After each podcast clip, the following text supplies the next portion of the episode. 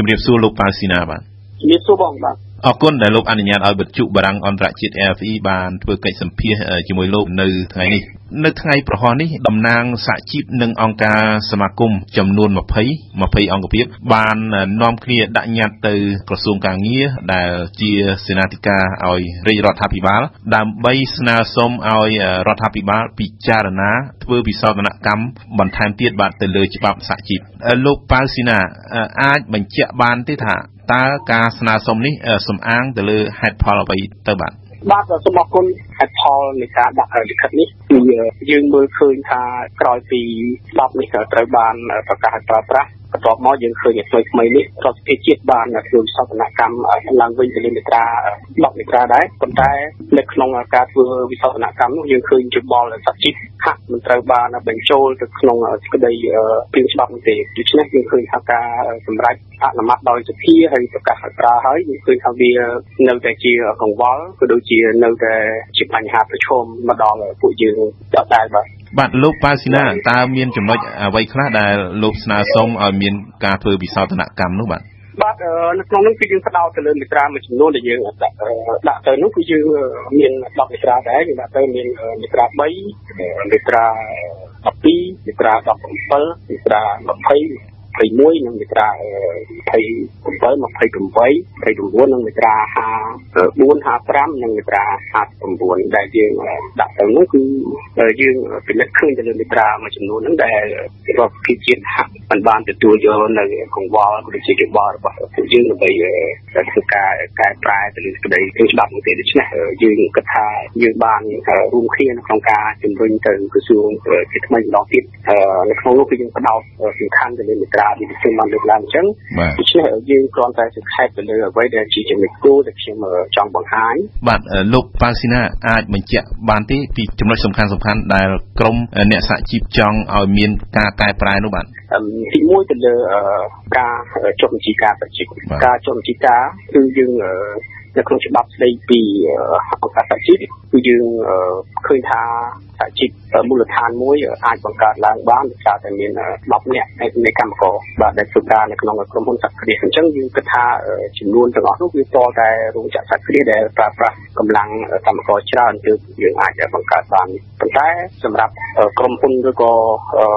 រោងចក្រខ្លះឬមួយក៏កន្លែងសិប្បកម្មជាដើម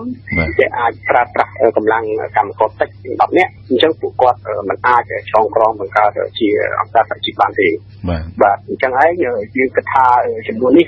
ពួកយើងបានស្នើឲ្យមនុស្សត្រឹម7នាក់ដើម្បីឲ្យពួកគាត់មានសិទ្ធិក្នុងការបង្កើតសហជីពបានរីឯ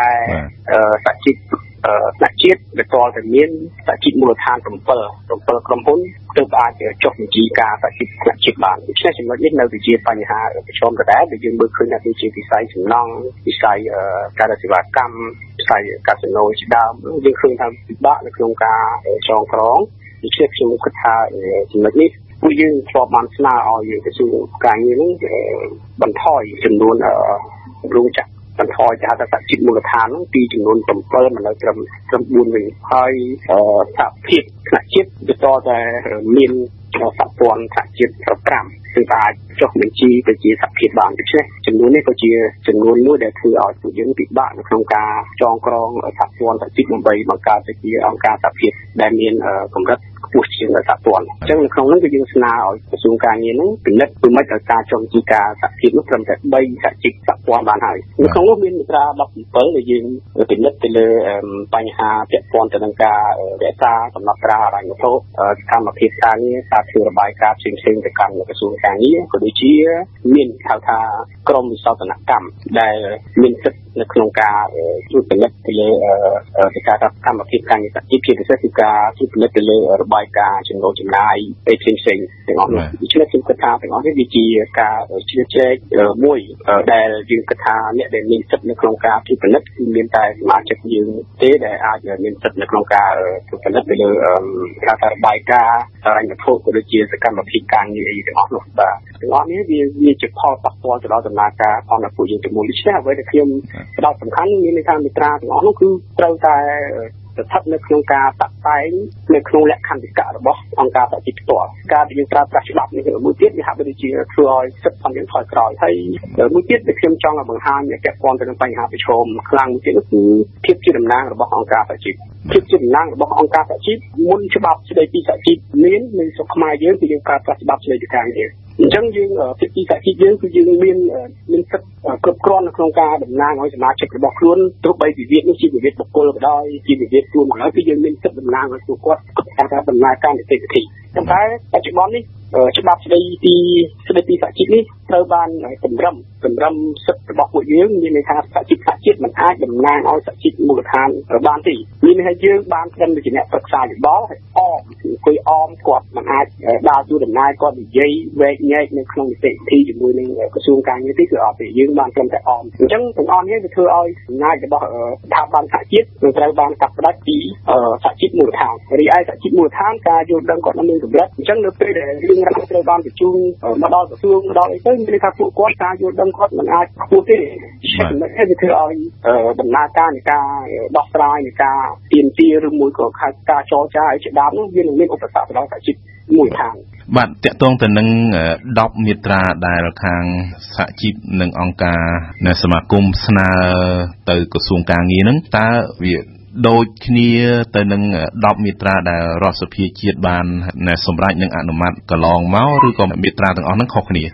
អឺនៅក្នុងហ្នឹងយើងមានខុសគ្នាតែមួយមាត្រាទេគឺមាត្រា12ដែលយើងដាក់ទៅបញ្ចូលនេះគឺមាត្រា12ដែលយើង ពាក់ព័ន្ធទៅនឹងការចង់ជីការសហជីពបាទអញ្ចឹងយើងខុសគ្នាតែមួយនេះទេដែលយើងដាក់ទៅក្រៅពីហ្នឹងគឺ9មាត្រាទីដូចគ្នាទៅនឹងអ្វីដែលសភាបានអនុម័តកាលពីប្រហែលខែមុននេះបាទបាទលោកប៉ៅស៊ីណាដោយសារវិសោធនកម្មច្បាប់សហជីពនេះត្រូវបានរដ្ឋសភា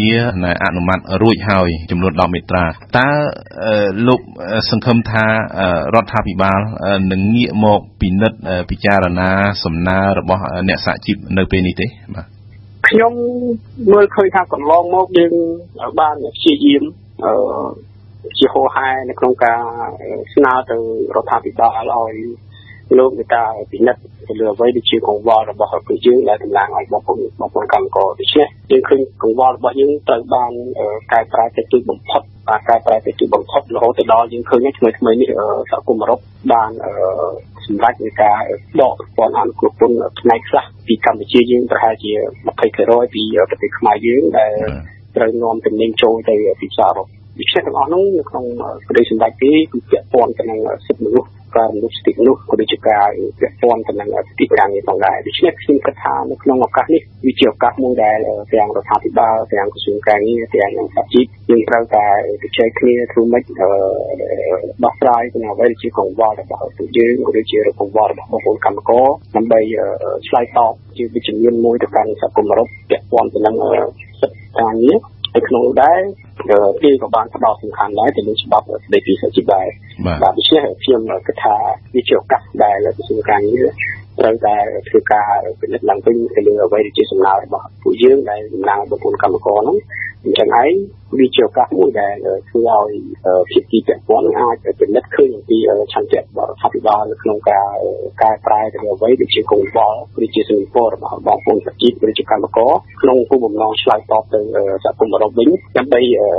ទទួលបាននៅប្រព័ន្ធអនុគ្រោះពន្ធនេះត្រឡប់មកវិញបាទ បាទ